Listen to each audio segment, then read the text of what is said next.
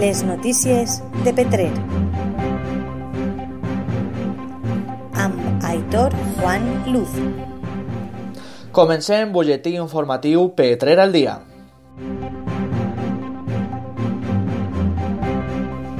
Notícia destacada al municipi. Apareix un cos decapitat d'una ruïa al paratge del Figueralet, una zona pròxima a la carretera de Catí.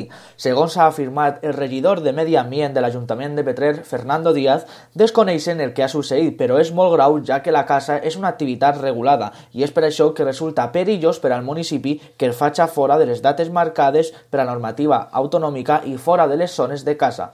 Per això, la regidoria ha donat part al seu broma per tal de que es faiga càrrec de la investigació pertinent.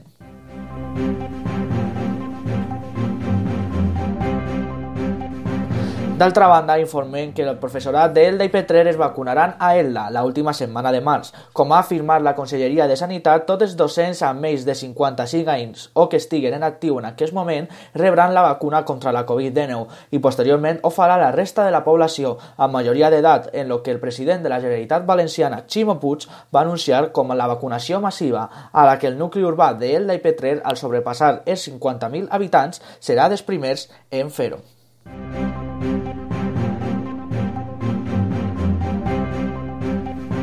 Parlant d'urbanisme, l'Ajuntament de Petrer elabora un estudi per tal de solucionar la falta de connectivitat comercial al municipi. Segons ha afirmat avui en roda de premsa el regidor de l'àrea, Fernando Portillo, algunes connexions ja s'han determinat, com van informar ahir eh, de l'àrea del diluvi. Però aquest pla busca la unió entre les principals vies comercials de Petrer, com l'Avinguda Feliç V o l'Avinguda Reina Sofia.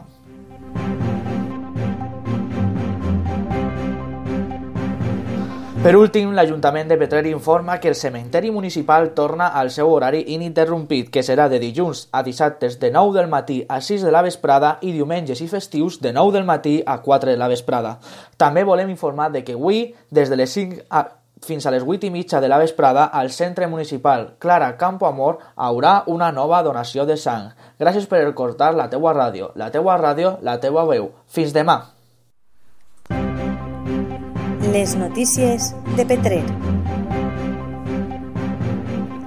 Amb Aitor Juan Luz.